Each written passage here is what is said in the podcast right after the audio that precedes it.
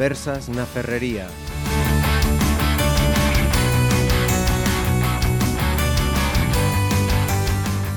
Saludos, eh, vamos a hablar eh, en esta tertulia, en estas conversas en la ferrería, mmm, de una cuestión que nos eh, ocupa, que nos vai ocupar máis aínda no, no futuro.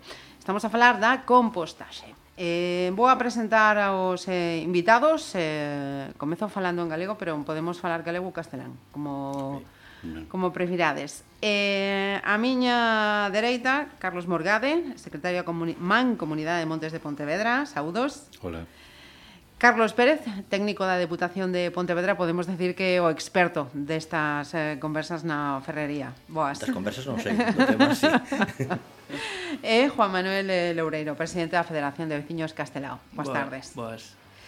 Eh, para comenzar, así a modo de, de introducción, Esto del compostaje es una cuestión, un método de gestionar la, la, basura. Yo estoy mirando sobre todo, y ya a Carlos para que me corrija si en algún, si en algún momento mm, no es correcto mi, mi explicación.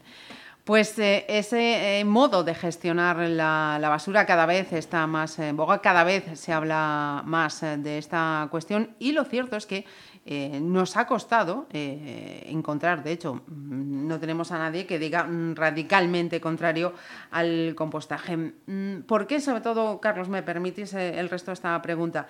Este auge, si se puede llamar de, de, de esta manera, progresivo auge, de que hay que compostar, de que el compostaje es la forma de gestionar la, la basura en el futuro?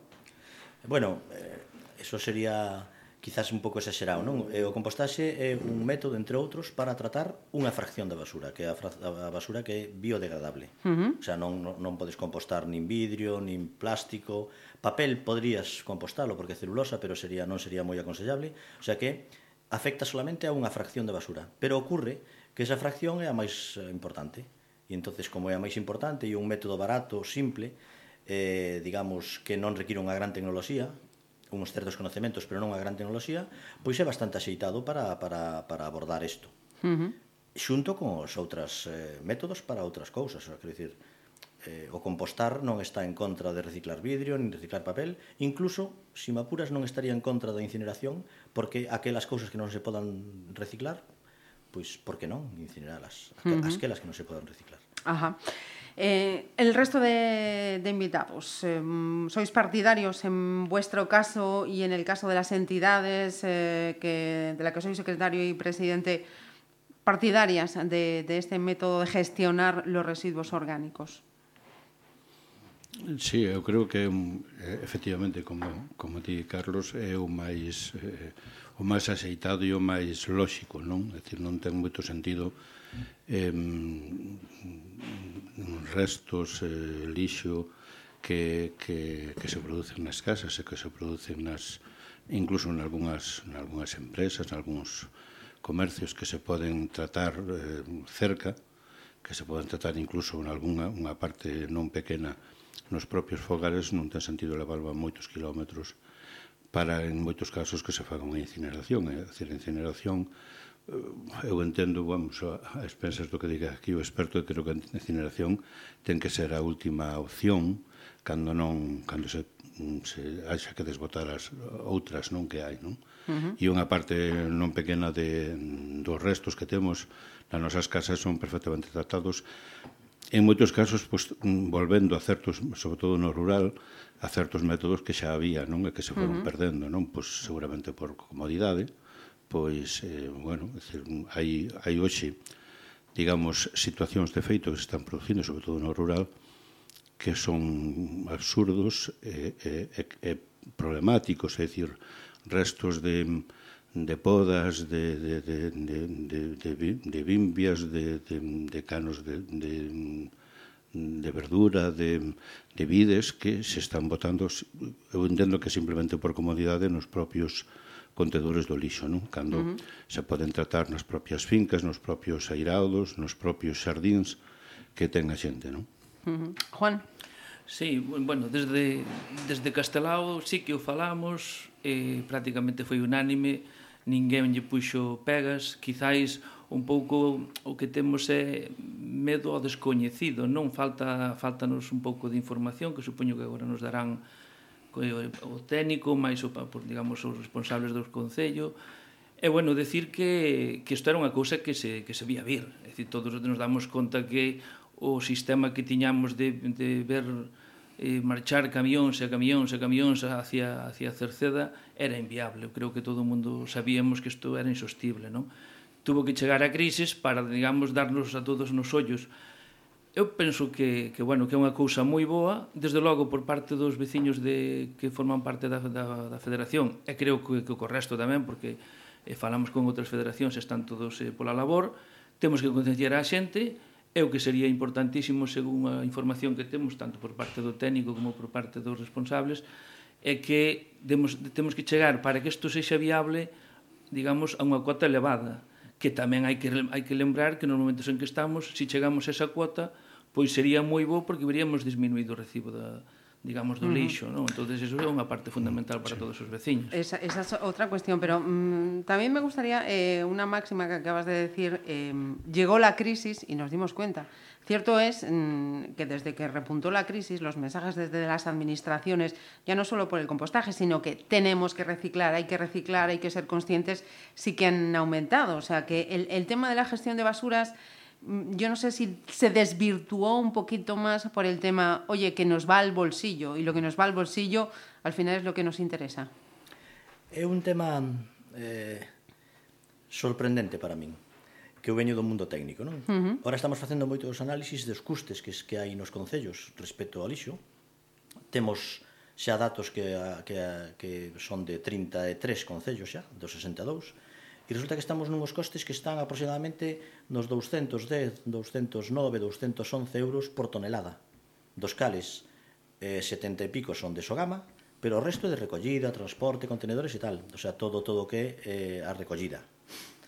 Eh, polos datos que temos agora, que isto é terrible decilo, pero é así, eh, digamos, sacando un 5% de concellos, e en particular, pois, Pontevedra, Pollo, Salceda de Caselas e pouco máis, prácticamente, todos son tremendamente deficitarios.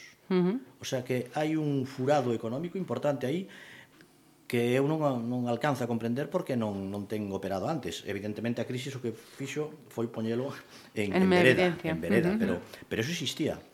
Eh, diga, o, o que eu teño ahora de datos, que son actualizados a febreiro deste ano, eh, digamos que a media de, de déficit dos concellos con respecto ao lixo, eh, uh -huh. é entre un 80 e un 60, 50%. O sea, de cada 100 euros que gastan en lixo, en na xestión do lixo, recaudan como moito entre 20 e 50 euros. O sea, que todo demais é déficit. Uh -huh. O sea, que eso existía xa. Eh, había Pero hasta este momento, como dices, ¿no? que apretaron... No, bueno, no... pois que supoño que os concellos, claro, eu carezco de elementos de, de coñecemento uh -huh. de como funciona un concello, ¿no? Habéis, sí. nunca traballei na pública, o sea, que é a primeira vez que traballei na pública uh -huh. na miña vida. E entonces descoñezo eso, pero me, sorpréndeme que concellos pequenos teñan 300, 400, medio millón de euros de déficit anual polo lixo e que o paguen porque o teñen que pagar, porque teñen contratado con Urbaser, con FCC, con quen uh -huh. sea, e por lógica deben pagalo, quere decir que o están pagando sacando de outro sitio. Sí, é a única explicación que se me ocurre, non sei, eh, deso igual tedes vos máis experiencia que a min. Mm, no. É algo que o que máis me ten uh -huh. sorprendido, porque as cuestións técnicas non me preocupan demasiado. Me preocupan, pero creo que son solventables. Sí, sí. Estas económicas son delicadísimas e a min son las se algún de vos me podera no, o que pasa... iluminar, porque realmente é asombroso, eh? No, a mí o que, me, o que realmente sí que me, me fai pensar ou me, nos facía ver que isto era, nós temos lo comentado moitísimas veces, é que ti eh, vas ao rural, como decía, como decía Borgada, non? E ti ves a xente que corta césped e ves que a erva a bota no contedor. Sí, pero sí. que ao mesmo tempo bota as pedras tamén. Uh -huh, cousa que Eso, claro, co paso do tempo, pois foi xenerando e realmente xenera camións e camións sí. e kilos e kilos, sí, sí, sí. cousa que antiguamente non sucedía. Mm. Eso. entonces eso sí que, claro, cando os concellos, eu tampouco sin ser especialista no asunto, pero como digamos que había cartos, pois non ninguén miraba mm. o, o día a día. Sí, sí. Que sucede? Que agora non hai cartos, hai que mirar o euro... Muchísimo eu, más de lo que se miraba euro, euro. Entonces, antes. ese é o problema. Uh -huh. Yo en, creo, sí. yo creo que ademais estamos instalados nunha cultura do usar e tirar, non? Uh -huh. Eu creo que é un pouco o que foi cambiando as mentalidades, non? Na, da mentalidade antiga que tiñan, por exemplo, os nosos pais, os nosos avós, de, de aproveitar todo, non? De, de, de reducir a máis mínima expresión, porque non había, non había cultura de, de tirar nada, nin había ningún sitio onde tiralo eh, se foi pasando, non sei se por aqueles enva, polos envases comerciales das, das botellas aquelas que primeiro había, se reciclaban e que tiñas que devolver os cascos, non? E depois xa os, se foron, mm, para evitar tantas molestias, se foron facendo os envases onde xa non tiñas que devolvelos, uh -huh. e se podían tirar. Ahora estamos un pouco instalados mentalmente na nesa cultura de todo aquilo que non necesitas inmediatamente o tiras, non? Tamén é certo que moitas veces non hai eh, espacios, vivimos en, en, en en vivendas cada vez máis pequenas moitas veces, e xa non hai eh, esa, esa cultura de conservar e de guardar e para, para posteriores usos. entonces pois, pues, eso, nos instalamos na, na todo aquilo que uso eh, inmediatamente pois o uso e o que non uso inmediatamente pois pois o tiro e todo é mm, rapidamente desbotado e, e un pouco pois desde a moda hasta moitísimos moitísimos patróns de comportamento témolos uh -huh. neso no de usar inmediatamente en esa máxima. E, e tiralo, uh -huh. non? E entonces a reciclarse é volver en realidad, é dicir, é unha, unha concepción distinta, volver un pouco en, en moitos casos a esa, a esa concepción an, an, antiga, un pouco uh -huh. de que, que había antes, de que, bueno, pues eh, isto, é dicir, non o uso, pero eh, ainda se pode aproveitar para outra cousa e, e bueno, decir, mm, que alguén, por exemplo, que teña unha finca que bota unhas, unhas coles e que bota eh, uns pementos e tal, non? que despois os restos non se lles ocurra eh, poñelos nunha esquina e, e digamos, deixalos descompoñer aí e tal para, para un posterior uso e que lle resulte máis cómodo ir ao contenedor máis cercano e tiralo, non? E moitas veces pues, están mm, máis da metade do, do espacio do contenedor en certas épocas do ano, sobre todo son con estes restos, precisamente eu creo que obedece máis a este tipo de mentalidade, porque moita xente é que non se dá conta deso, decir, ah, porque que, se, si os canos da verdura ou se outros restos en realidade non che non fai falta que os que os leven, se os podes aproveitar ti e ainda podes eh, eh abonar un pouco a terra con, con eso e tal. Eu creo que é un pouco, por eso creo que neste, nesta, nesta situación, efectivamente, a maior dificultade, é dicir, habrá dificultades técnicas e tal, pero creo que a maior dificultade é cambiar a mentalidade mm. da xente, sí. Eh, señalabais esa situación, sobre todo en el contexto rural y en el contexto urbano, todavía sigue pasando y, y lo hemos eh, preguntado, ahora escucharemos eh, algunos casos, ni siquiera somos capaces de, separar, porque no tenemos el contenedor pues ni a 100 metros. Igual tienes que hacer 200 y uff, cualquiera va ahí con su bolsita de plásticos, con su bolsita de vidrio y con su bolsita de cartón. O sea que todavía nos queda mucho trabajo. Me imagino que si eso nos cuesta para llegar al compostaje, Carlos, todavía el trabajo de concienciación que hay que hacer mmm, es, es largo y no va, a ser, no va a ser sencillo. Sí, sí. O sea, hay un trabajo de concienciación que a clave do asunto porque sin participación ciudadana non hai nada. Uh -huh. Pero abundando no que decía Carlos, eh, hai certas cousas que sí se poden reciclar e outras que non. O orgánico ten a gran ventaxa que sí se pode reciclar dun uh -huh. xeito local e, e, e garantizado, non? Outro, eh, podes eh, emitir menos menos residuos si tes, por exemplo, reutilización, por exemplo, as botellas, o, o rollo o caso do vidrio é un caso moi moi claro, non? Hai unha cota importante de, de separación de vidrio, pero digamos que o seu sería o envase retornable. O sea, eso os teóricos de, de, de toda Europa o recoñecen. Outra cosa é que, digamos, para as industrias implicadas sea máis convinte o reciclaxe do vidrio que non o retorno. Uh -huh. Por eso tri ten triunfado. E con vez, por exemplo, ten apostado por eso, pero en toda Europa hai bastante eso, sacando os países nórdicos. Entón, aí, senso estricto, non tes a capacidade como ciudadano de reciclar, pero si tes a capacidade de viabilizar ese reciclaje, separando e tal. En cambio, no orgánico tes a posibilidade de facelo, que é o que, o sea, outro día alguén, non me lembro quen, de, do Concello de Pontevedra, eh, criticaba, digamos, eh, eh, o plan este dicindo que era como volver ás corredoiras ou que, que había que volver a ter un porquiño na casa ou así, e o decía como despectivamente, e sin embargo a mí me parece que eso é exactamente retomar boas praxis antiguas uh -huh. que ahora serían hipermodernas, de feito nos, nos lugares máis avanzados están volvendo a eso.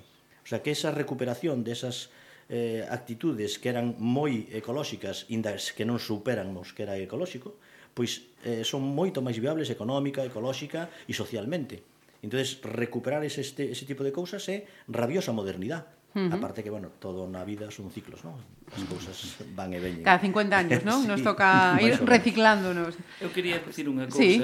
en no, no relativo ao tema da, da concienciación. É dicir, agora mesmo, incluso en, en Pontevedra, como noutras cidades, moitas veces preguntas e, di, e ves que alguén baixa unha bolsa pois con, sin, sin, sin separar e lle dis, pero non ves que, que tes que metelo, tes que se debería separalo e a máxima que che din é, bo, total xuntanos eles nun, nos, nos sí, camións Cierto, tamén pues, pois lo he escuchado muchas veces. Exactamente. Entonces, eh, este sistema que vimos outro día en, en Príncipe, eh, a mí sí que me gustou moito polo simple feito de que vai ser un impacto para a xente porque de repente o contenedor verde desaparece e velo que si xoves a, noutro sitio a, diferente. Entón sí que lle vai concienciar a xente dicir, ai, pois sí que, sí que é certo que isto se separa. Ah, vale, que é visible. Exactamente. Correcto, Entonces, correcto. eu creo que eso, digamos, esa máxima, por lo menos nos restos orgánicos, uh -huh. sí que vai a, vai a, facer, vai a surtir efecto. No, no resto, pois, pues, bueno, será por defecto, pouco a pouco iremos. Pero aí eu creo que vai a ser moi impactante uh -huh. esa historia. Se si somos capaces de que a xente vexa así. Eso é visual. Sí, sempre e cando lo tengan cerca. Que yo es otro hándicap que sigo viendo en la gente. La gente lo quiere todo mmm, casi casi en su puerta.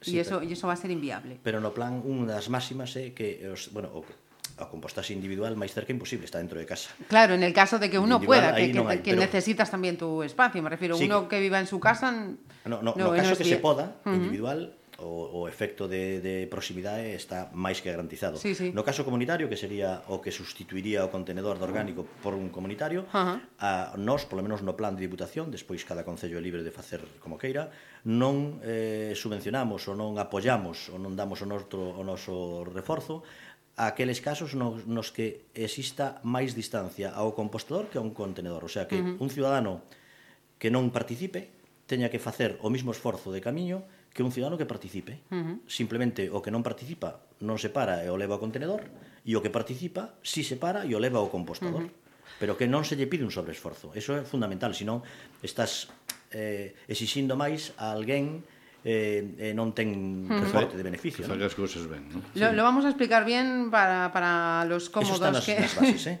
Lo primero, si os parece, vamos a escuchar las eh, opiniones que ha recogido nuestra compañera Carolina Buceta en la calle.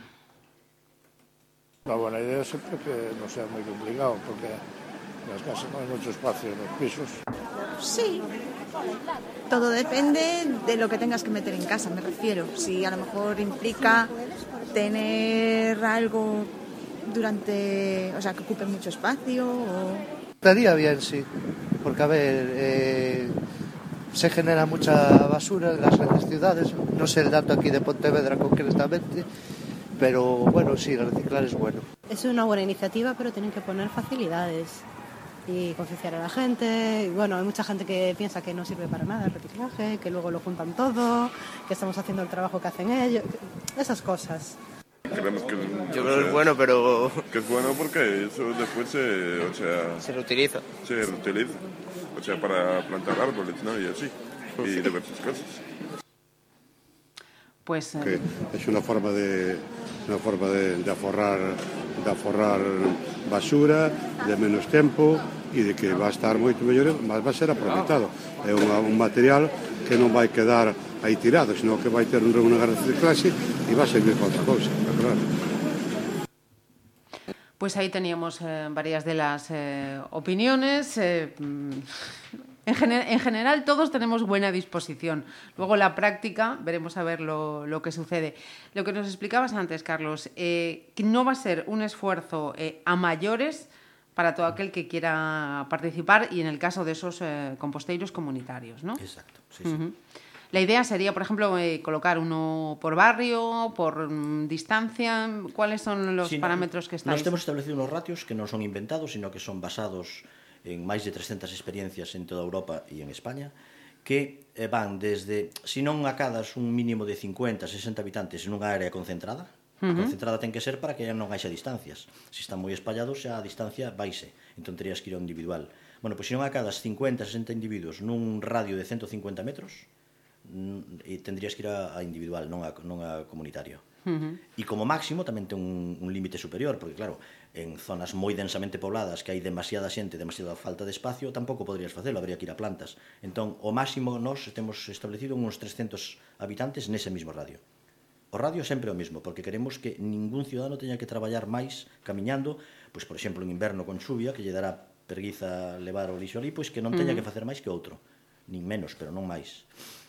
En, tenemos ya los que composteiros. Esos eh, serían os comunitarios, eh? Los comunitarios. Que son o cabalo de batalla, digamos, o elemento Ajá. novedoso. Sobre el que más habría que, que trabajar, digamos. Claro. Vale, eh, ¿cuánto tiempo eh, se tardarían en ver ya ese, ese compost y cuál sería el destino que los participantes puedan darle a ese compost? Eh, a ver, no, no individual o, o compost se utiliza na propia casa, uh -huh. o sea, nos teus tiestos, nas túas plantas, etc. No, no comunitario, nas bases que saliron no Bopo, nos exiximos unhas condicións, que debe ser eso, que 150 eh, metros máximo de distancia, 60 ciudadanos mínimo, 300 máximo, etc. etc. E ademais outras cousas que non eran, digamos, preceptivas, pero sí eran valorables. Por exemplo, se ademais de poñer ese espacio para poñer o espacio com, o compostero comunitario, tes outro espacio similar donde facer unha horta, unha horta demostrativa, no que o compost se utilizaría xa evitas ese problema, porque o compost directamente pasaría a producir un artículo que sería, ademais, tería un, un efecto, digamos, de, de demostración visual moi importante, eso xa existe en, en varios concellos. Uh -huh. O último que miramos nós en, en, en Vizcaya, pois pues está moi ben, non? Eh, que na, na presentación que vos fixen outro día creo que salía. Entonces, eso pecharía o ciclo. En todo caso, o ciudadano tería que ir a recoller a leituga ou a, ou a berza que se, que se criou ali, que máis sería, como cultura urbana, sería moi interesante ese, ese retome, non? Uh -huh. Caso de non ser así, o ciudadano, igual que se compromete a levar o seu lixo orgánico, se comprometería a recoller o compost producido con ese lixo. Y o sea, luego que lo utilice como y mejor le parezca. Sí. Ese uh -huh. sería, esa sería a nosa, digamos, previsión, que é uh -huh. moi moi razonable. ¿eh? En este proyecto, en este contexto, ¿qué participación tendríais las eh, comunidades eh, de montes? ¿Qué podrían aportar a mayores mm, de un usuario? Non sei sé si se lo habéis tratado vosotros, se lo habéis planteado, se non hablado con vosotros. Ben no terceiro, cando xa temos moita xente uh -huh. concentrada que non dan abasto ni por individuales ni por colectivos, entonces habría que facer pequenas plantas. Aí sí que entrarían as comunidades de montes claramente porque serían os receptores naturales, porque o espacio mm, periférico das cidades donde tería que ir necesariamente o lixo, non? Uh -huh. Entón aí as comunidades serían eh, fundamentales o seu, o seu, a súa participación si, que non sean sufridoras do malo e que sean, digamos, disfrutadoras do bo. Uh -huh. Nós temos un, un terceiro escalón que serían as plantas, a plantas comarcales Eh, en concreto a planta da Canicouba eh, trascendería excesivamente a, a planta comarcal porque como a Canicova cando eu cheguei aquí xa era un proxecto xa bastante maduro uh -huh. que xa viña de, de casi de dúas legislaturas que ademais hoía un acordo bastante razonable entre Concello e Diputación que ademais foi reiterado e que ademais sorprendentemente para como son os políticos, pois PP, PSOE e Bloque estaban polo menos no, de non fastidiarse mutuamente, uh -huh. o cal é un logro. Entón aí non o tocamos, non? Pero a previsión nosa é facer plantas moi pequenas que estén a menos de 25 kilómetros e que só traten orgánico, lixo orgánico. Uh -huh. Ese sería, e entón aí as comunidades de montes serían fundamentales porque o espacio disponible estaría moi asociado a elas. Uh -huh. de, lo habéis tratado, lo habéis abordado desde no, la mancomunidad. No. Bueno, al margen del proyecto ya se planteó en la Canecova, donde ahí ya cada uno ya expuso su parte a favor. Ahí hubo un acordo con a Comunidade de Montes, non? Sí, sí, sí, bueno, sí, pero, sí. Pero quero decir que a nivel xeral ainda non falamos do asunto, non? Uh -huh. Esperamos, eu supoño que non non, non lle vexo grandes problemas, non? Uh -huh. de, de buscar un, un sitio onde se poida facer algún un espacio e tal. Eu creo que mm, na, no estadio que temos agora, a nivel, incluso a nivel particular, ainda quedan moitos eh, flecos, digamos, moitas mm, pequenas cousas que ainda están sin cerrar, non? Que ao mellor ou porque non están, supoño que xa estarán estudadas e tal, pero que ainda non, non nos chegaron, non? É dicir, digamos, todo o, o proxecto, non? Con, con todas as súas características e tal, non? Nos o que, o que sabemos, mm, que tampouco é moito máis do que, do que saiu na prensa, pois, bueno, nos parece que globalmente é unha, unha cousa moi positiva, non?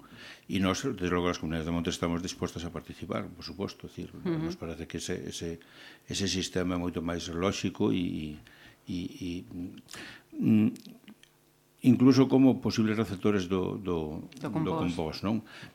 O que pasa que neste tema concreto se, te, se ten falado porque eu recordo que hai, hai tempo se falaba de que, uf, que se va a producir moitísimo compost e tal, non sei que. E claro, aí eh, a, a mellor hai algún tipo de malentendido, é dicir, é un mito eso. Eh? Claro, a nivel xenérico o monte, o monte de, por exemplo, do contorno de Pontevedra, mm, bueno, si, si facemos as cousas, as comunidades de montes ben, con un plan de ordenación, con unhas prácticas forestais pois, axeitadas, con titulación dos restos e tal, pois non precisa grandes cantidades de, de compost. De compost. Non? En xeral, unha porcentaxe bastante alta, pois, bueno, pois con boas prácticas, digamos, forestais, pois, pois, pois, pois chega, non, non sacarlle constantemente pois, pois as, as árbores e os, os arbustos e leválos fora, uh -huh. senón titulalos e deixalos ali. E iso non quer decir, por suposto, que non haxa zonas degradadas, que o mellor e moi erosionadas que o mellor si conveña pois eh, Es, es tratar. que esta- non? estaba, estaba notando Mm. precisamente eso. Ahora estamos entrando en la, en la primavera, mm, pero llegará el verano, mm, lamentablemente volverán a arder los montes, esas zonas quedarán como están. ¿Y qué papel jugaría ahí el compost para regenerar los montes? Eh, yo creo que es bastante importante. Sí, serían dous papeles. Ujú. Un papel é que eh, nos eh, abriríamos unha línea de apoio, apoio quere decir técnico e económico, para a limpeza de montes, que as comunidades é moi importante, porque eso é importante porque eh, se evitan incendios, pero no noso caso egoístamente é importante porque dai sacaríamos un residuo que madeira, lignina, uh -huh. que trituraríamos e que é fundamental para compostar o residuo orgánico. Uh -huh. Entonces, eh, a participación das comunidades de montes facendo unha labor que xa, xa lle corresponde a eles por cuestiones de profilaxis, de evitar incendios, viría moi ben porque engarza perfectamente co plan que, que necesita o compostaxe, que é ter esa estructurante para poder traballar. Uh -huh. Eso é un punto de confluencia, eh, bueno, de feito habería sobra eh, de, de, de material, o sea, porque... sí. Hai moito medo ao lixo urbano, pero o lixo urbano non acada nin o 8% do lixo global dunha sociedade moderna, eh? o sea que pasa que como está concentrado e ali visible, dálle dase moita máis importancia, pero purins de porco, estercos, eh, residuos forestales e tal, son con moito, en volumen, moito máis importantes. Uh -huh. Ese é un punto de conexión clave coas sí. comunidades. E aparte é un feedback de beneficio mutuo. Uh -huh. Uh -huh. O sea, que aí non habría un, un non, non te estarías tocando as narices, sino ao revés. Uh -huh. Se complementarían. Sí. Eh, outra cuestión tamén que, que estaba viendo en torno al, al compostaje. ¿Estamos geográficamente en un lugar idóneo meteorológicamente para generar el compostaje? Eh, bueno, compostaxe independente de eu teño feito Porque si sí leía, ¿no? Que, de, que sería necesario tiempos eh, pues, máis seco, unha temperatura no, seca, eso, que no... No, si se fai ben, uh -huh. quere decir que, que superas unha masa crítica, quero decir, se o fasen un montonciño, evidentemente. Sí. Se si fai moito frío, hai, e chove moito, se te estropea. Pero se o fasen unha masa crítica mínima, eu teño compostado en Vancouver, en, en, en, en Montreal, a menos 50 grados e tomar temperaturas a 38, 40 grados no composto. O sea, que eso non hai ningún problema. Todo coberto de neve, hai moitas fotos deso. Sí, eso, sí. eso non hai problema. Se si é pluvioso, pois, ningún problema. Se si é moi seco, pois, simplemente terás que regar. Pero eh, a afectación, sempre que superes unha masa crítica, no proceso das circunstancias eh, eh, atmosféricas é, é mínimo. Eh? Uh -huh. Si traballas en pequeno, sí. Entonces sí. Ajá. Eh, y otra cuestión eh, más que me llamó la atención en torno al compostaje. Mm, No sé si es una alternativa o una mm, variación que le llaman el vermicompostaje, es decir, el uso de, de- de lombrices en el compostaje. ¿Esta posibilidad se descarta? ¿Es más cara? ¿Es inviable? No, es, esa é fantástica, produce un compost de máis calidad, pero ten limitacións. Ujú. porque as, as lombrices, no? as miñocas, eh, por exemplo, eh, a ver, que eso sería máis delicado de explicar. Os residuos que nos eh, vamos a compostar son residuos de, de, de, de, do noso lixo orgánico uh -huh. e esos están clasificados por Comunidade Europea como sandas. Sandas son residuos procedentes de alimentación e que obligatoriamente se os tratas teñen que pasar unha pasteurización, o sea, unha higienización. Entón, na compostaxe, como é autotérmica, ti alcadas altas temperaturas, non sei se mirachedes outro día xa a temperatura sí. que tiñan ali, sí, sí, entón, acadas, entón, a lei te obliga a telos polo menos 48 horas por encima de 55 grados. Entón, con eso higienizas, matas salmonelas, clostridium, prefingers, etc., os, os, o que marca a lei. Uh eh, -huh. A, a, compostaxe con miñocas é excelente porque produce un humus de máis calidad, pero as miñocas non resisten altas temperaturas, entón elas traballan de outra vía bioquímica, pero uh -huh. non termoquímica o proceso, entonces a compostaxe con miñocas é excelente para pequena escala, para producir miñoca para cebo, por exemplo, vivo, ou para, ou para producir humus de gran calidad, para viveiros, para, para semilleros, etc. Pero se si a queres facer a gran escala, como pretendemos nós, que, que pretendemos acadar toda a provincia, podría ser un colateral post, o sea, despois da compostaxe que este higienizada, ese produto que está xa medio descomposto que se termine de facer con miñocas, uh -huh. que de moita máis calidad, pero que non se podría facer en todo o conxunto porque senón a lei non te permitiría. Utilizalo. E as miñocas por encima de 35, 36, 38 grados migran, migran ou morren. Ajá. Eso é eh, interesante e é unha cuestión puramente técnica. Eso sí, no... sí. Uh -huh. Y que decías que no se descarta tampouco en este No, no, en absoluto, no, no. Uh -huh. De feito, en, en Príncipe Pío en principio Felipe. Principio Felipe eh, a fase final que faremos no comedor de arriba, non no Carlos Oroza, no outro, eh, como demostrativo farémolo en, en, en, en bañeiras con, con lombrices, con uh -huh. leucenia fétida. Sí, uh -huh. hai, hai moita xente no, bueno, moita entre comillas, xa no rural que que sí que fai, sí. se fai ese tipo de compostaxe con con miñoque, toda esta historia. O que pasa é que xente que realmente pois sí que traballa nas, nas terras e todas estas, digamos, sigue mantendo un pouco a tradición, non? entón sí, sí que nos consta que hai xente que o fai perfectamente. De feito, nós estamos uh -huh. estudiando un plan moi interesante, esperemos, que ven por vía de, de, de que se pode compostar tamén con galiñas, os ah. galiñeiros, que Ay, aproveitar os galiñeiros normales, pero uh -huh. engadíndolle unha serie de cuestiones técnicas que permiten que, o sea, garantizan que a temperatura acade estos valores. Entonces, tipo de esteras galiñas e a vez estar higienizando. E se ademais engades miñocas, que é o que intentamos ora poñer en marcha, tes proteína para a alimentación das galiñas, que eso a lei o permite. A lei non permite que as galiñas industrialmente, se queres comercializar os ovos e tal, coman lixo. Tipo de estelas no teu casa e que comen o teu lixo, pero ti non podes comercializar eso. En cambio, si sí, a lei permite comercializando os ovos ou comercializando, comercializando os polos, permite que se alimenten con miñocas E as miñocas sí que poden comer o teu lixo. entonces tes en dúas etapas, o que a lei non te permite, unha podes facer en dúas, é moi interesante.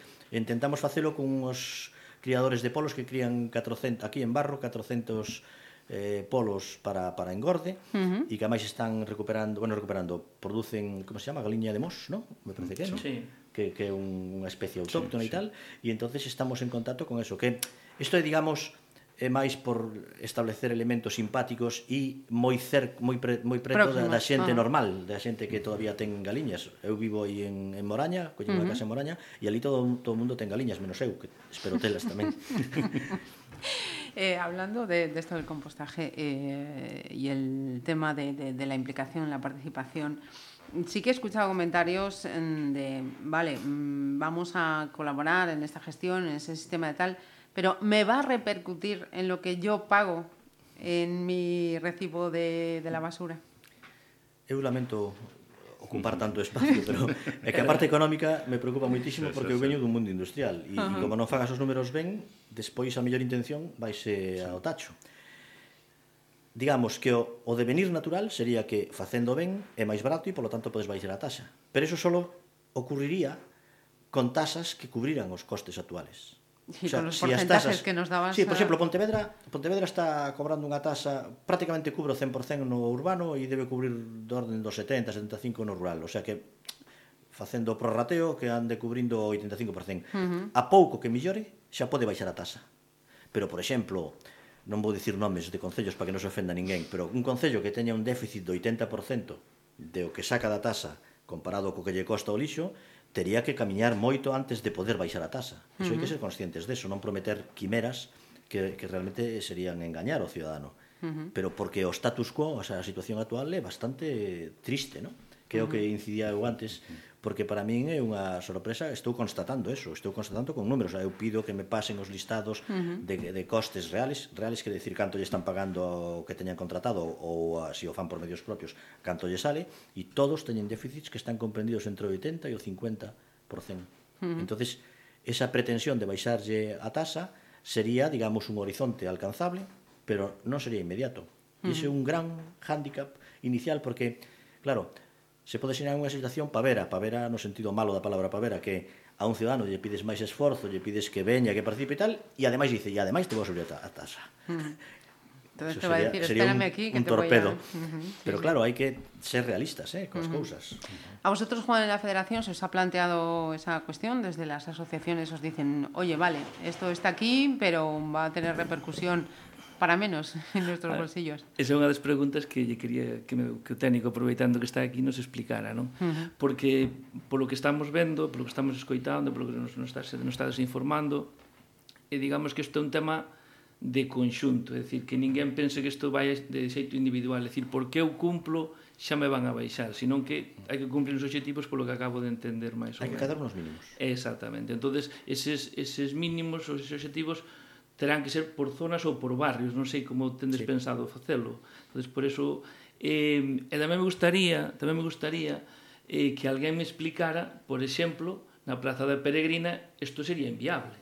Na Plaza da Peregrina. Por exemplo, ou digo, claro. que está aquí ao lado, sí, sí, ou sí. digo, non sei, no, no Camiño Real, ou, ou en calquera zona, digamos, que urbana, no, urbana. urbana, urbana. No, Eso é inviable. Sí, sí. En, en zonas densas, claramente hai que ir a recollida selectiva do orgánico e leválo a unha planta que aí entraría a conexión con, con comunidades de montes e con zonas rurales. En zonas densas, eh, Pontevedra, por exemplo, casco urbano, salvo zonas concretas, por exemplo, a plaza, esta plaza que eu coñezo pouco Pontevedra, onde se facía feira antes. Barcelos. Barcelos, Barcelos, por exemplo, é unha zona densamente poblada, pero ten un espacio que estaría moi ben para facer un centro comunitario de compostaxe ali. Uh -huh. Eso estaría ben. Aí hai, existen, a pesar de ser zona densa, existe a posibilidad de facelo. En Peregrina, evidentemente, non. Aí non existe, nin tan siquiera teóricamente, esa posibilidad, hai que ser realistas, non? Aí sería compostas individual os que teñan posibilidade por unha terraza ou que sea, e senón a planta. Pois entón eu vou máis alá.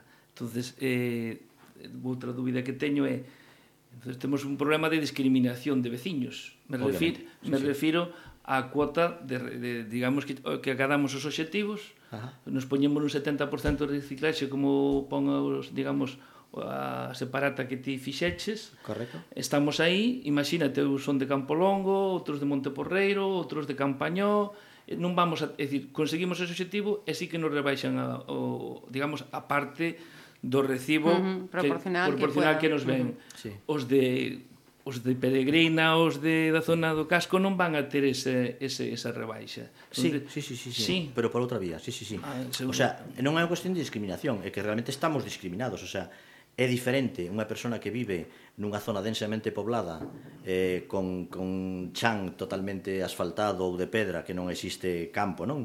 Dunha persona que vive no rural eh, con espacio abundante. O sea, eso non é que discrimines a ninguén con respecto a ninguén, simplemente, objetivamente, son diferentes modos de vida e, polo tanto, hai que aplicar soluciones diferentes. Entón, había de conseguir chegar a unha baixada de tasa e acadar un mínimo de reciclaxe. Pero, no rural, e incidindo no, no individual e menos no colectivo. Sí. No periurbano é onde o colectivo tería máis máis influencia porque son espacios xa densos que permiten acadar 60 habitantes nun espacio curto que permite eso e que hai espacio onde colocalo. E no centro, nos urbanos céntricos, o caso extremo sería Vigo, non? pois non queda máis remedio que ir a plantas comarcales. Polo tanto, aí habría que, habría que recoller selectivamente orgánico e leválo a unha planta que non estuvera lonxe, non como cerceda, sino que estuvera preto. Sí. Uh -huh. Ese sería, entonces, a rebaixa viría en un caso por os logros conseguidos de secuestro de materia orgánica por compostaxe individual, que ese lixo realmente ahora mismo en Bruselas está reconocido xa que o compostaxe individual non é reciclase, é prevención, porque o lixo sobre o lixo cando ti te des, o desbotas, cando te desfás del é o lixo, mentras non te desfás non é lixo. Por lo tanto estás previndo. Estás Sí, é, é prevención de residuos, que tanto se fala uh -huh. e todos os políticos falan moitísimo e, sin embargo, non hai casos, en ningún caso, non? Eu teño traballo moito no Magrama, no Ministerio de Medio Ambiente, cando estaba traballando para a Generalitat, e, e, e resulta que todo o mundo se enche esa boca coa prevención, pero non hai prevención, non hai tal prevención. Cada vez se produce máis lixo. A mellor prevención que houve foi a crisis. Baixou a produción de lixo, pero por outras razones diferentes. Evidentes. Entón, a, preven a prevención é non hai lixo. Compostaxe individual, non produces lixo, o tratas individualmente a un coste inferior, polo tanto, automáticamente terías en un plazo moi curto eh, sempre que as tasas estuveran digamos, en condiciones preto para poder tal, para ter a rebaixa de tasas. E sería esa vía. No periurbano, pois pues, posiblemente vía comunitario. No centro das cidades non queda máis remedio que recollida selectiva e levar as e plantas. plantas. E o retorno terían. Uh -huh. Entendido. O coste que nos sale a nos por cálculos para compostaxe individual contando a inversión, o soporte técnico, os materiales e tal, é do orden non, non chega aos 60 euros tonelada aproximadamente, todo. Uh -huh. O coste que nos sale para compostaxe comunitario anda sobre os 80 tantos, non chega a 90 euros tonelada. E o coste das plantas comunitarias anda polos 116, 120 euros tonelada. Entón, o retorno será inmediato e, e millor no individual. Por que? Non hai coste de recollida, non hai contenedores, non hai camiones, non hai bolsas, non hai nada, non sale de casa, é todo a favor. No compostaxe comunitario xa hai que facer dúas cousas que non son fáciles. Unha, social, que é como poñer de acordo unha comunidade de veciños. A veces para, para, para facer unha derrama, para arranxar unha escaleira, hai unos cristos impresionantes. Pois isto sería parecido. Entón hai que poñerse de acordo. Por lo tanto, todo o mundo ten que entender que eso é bo para todos, social, económicamente e tal. E ademais hai que coller e levalo, inda que sea solo 100 metros, pero tes que levalo. Mm. Por lo tanto, en certo modo hai unha recollida. En Bruselas está discutindo ahora se si o compostaxe comunitario é calificado como eh, prevención Preven ou como reciclaxe. E están aí peleándose desde hai meses. Como Bruselas todo vai lentísimo, tardarán outros anos, non hai que esperar por eles. Pero bueno, para saber onde estamos. En cambio, na compostaxe en planta, xa hai un convencional que sustituye outro convencional. En vez de coller todo eito en grandes contenedores, carga lateral, contenedor, camiones moi caros porque teñen que compactar, porque teñen que levar tal, pois en contenedores en camiones pequenos, contenedores pequenos, solo orgánico e o único que tería de técnico ese camión de caixa aberta é que teña ten o, o target que se chama, no? que a, o, o enganche que ten para coller o chisme e botalo dentro, e, -huh. entón é moito máis barato pero máis caro que os outros. Uh -huh. E que en que plazo nos estamos moviendo, Carlos?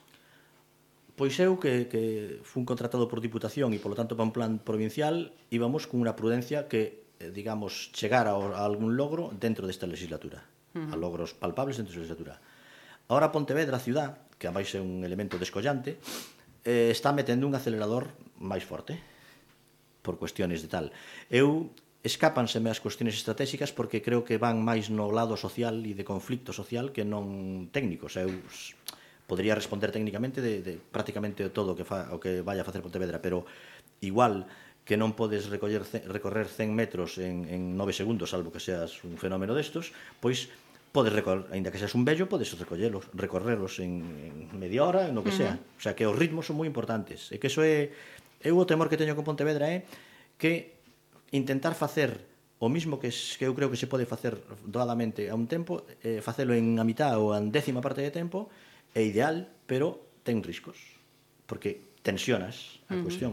Entonces, en ese sentido, os plazos, eh, a sabiduría de medir os plazos é unha sabiduría máis eh, estratégica sí. de un político avezado que saiba como uh -huh. tratar os ciudadanos. Sí. Non sei, confío bastante en Pontevedra, eh, porque uh -huh. inda que eu non son pontevedrés, ni nunca vivo en Pontevedra, nin tan siquiera ahora vivo en Pontevedra, eh, a, a historia reciente parece que abordaron cousas importantes como foi a petrolización bastante uh -huh. aquí estamos e se sí, fai en, en 30 días uh -huh. que supoño que eso crearía moitas ampollas e habería moita xente moi rebotada e que despois se si a cousa é realmente boa se si pasas dun sitio a outro millor ao final recoñécelo e xa está uh -huh.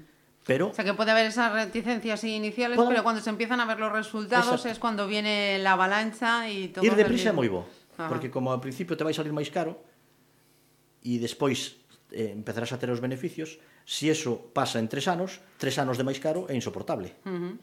Pero se vas demasiado deprisa, o queres facer demasiado deprisa, podes tensionar. Entón, ese arte é un arte que a mí me trascende. Como técnico y, non sería capaz nin de... E sobre todo, o mellor perder adhesións. Sí, sí. Porque, Podías tensionar a xente, claro, incluso xente favor sí. que diga, "Oye, oye, non me apretes tanto." É decir, Podía por ser. eso, claro, por eso falábamos antes da importancia da da información, da divulgación. Clave e da concienciación, é dicir, bueno, eso supoño que técnico sabrá que o saiban mellor que eu, pero pero creo que é importante decir, cando eu falaba de flecos, bueno, porque comentamos, a escoto na, na, na aldea, nas parroquias, non? E, bueno, e, e entonces, decir, xa, mm, xa ahora mismo o sistema actual que hai, ás veces se fan cousas mal, porque non se mete no, no do vidro solo que é vidro, uh -huh. non se mete decir, decir cousas que, que bueno, que, que se foi facendo un pouco por costume, por inercia e eso pues, ten cousas positivas, pero tamén certas cousas negativas que entonces pois pues, en este que é un sistema moito máis en, en realidad moito máis sinxelo, pero tamén moito máis complexo. Máis pois eu, eu creo que é conveniente eh, traballar moito a, a divulgación e a, a información e a formación, non? Porque escoitas, bueno, e entonces e os aceites que? E, e entonces os que os viven no rural e non teñen ningún pequeno espacio de terra porque compraron unha casa, restauraron e tal, e non teñen ningún xardín, ningún airado ni nada, que fan con ese... Decir, hai moitas, seguramente moitas desas cuestións se, se, se resolven e se contestan facilmente, non? Sí, sí.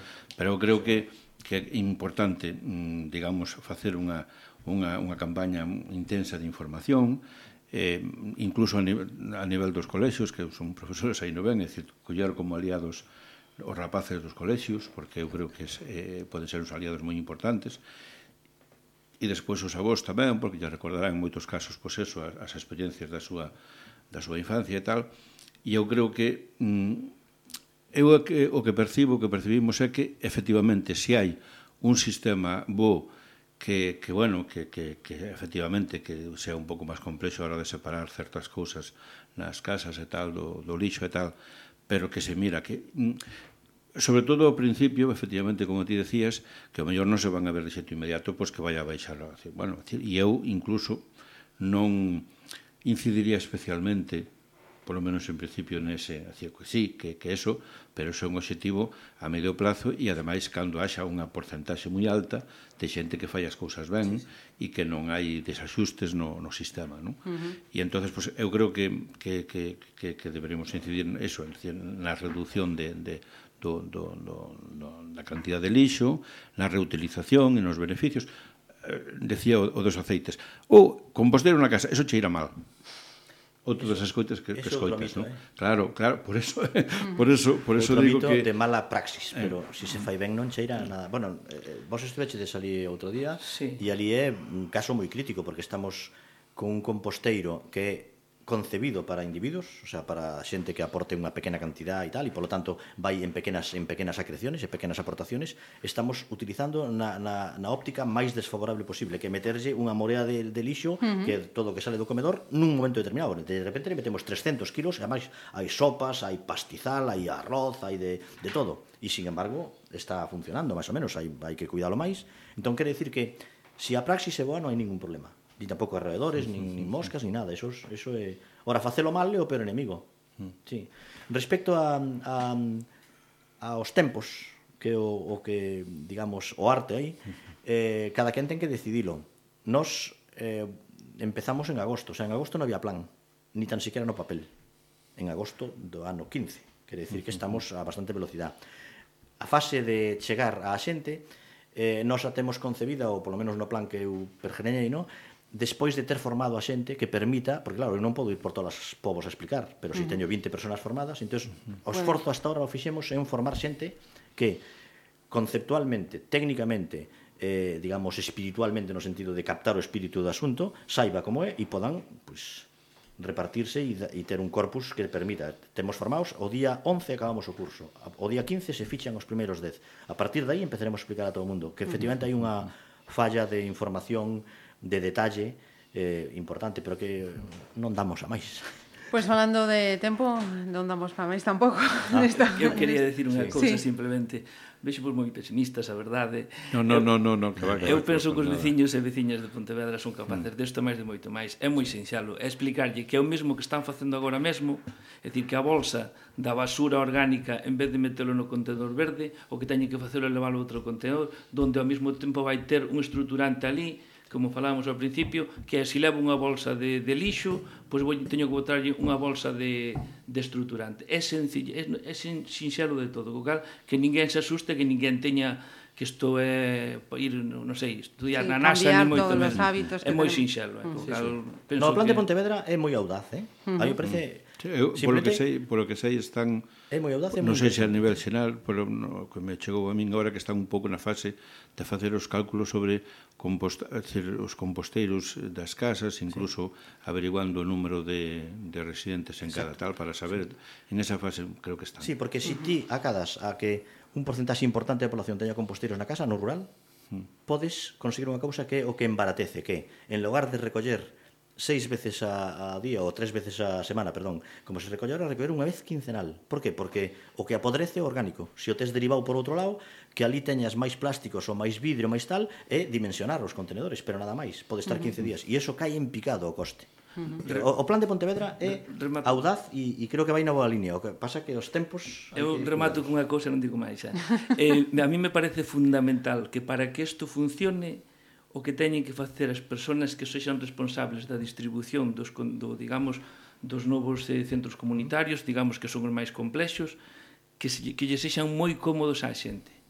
É preferible casi excedernos no número que quedarnos curtos, uh -huh. porque senón, se si vamos a ter as queixas dos veciños, bueno, hai que ir hasta lá, non sei que. Se o facemos, quizás ao principio pequemos de exceso e despois se hai que retirálo, retirémolos pero que a xente lle sexa moi cómodo, porque senón temos un problema. Sí, sí. Si é así, eu creo que isto vai para diante sin ningún problema, porque además ten que ir. Sí, sí. Senón co planeta acabamos, non temos outro opción. Pues es un greito de arena, eh, de arena, perdón, el que hemos tratado de poner hoy en este Conversas na Ferrería hablando de compostaje. Carlos Morgade, Carlos eh, Pérez, eh, Juan Loureiro, muchísimas gracias a los tres por participar hoy en esta tertulia. Gracias. A vos. Gracias.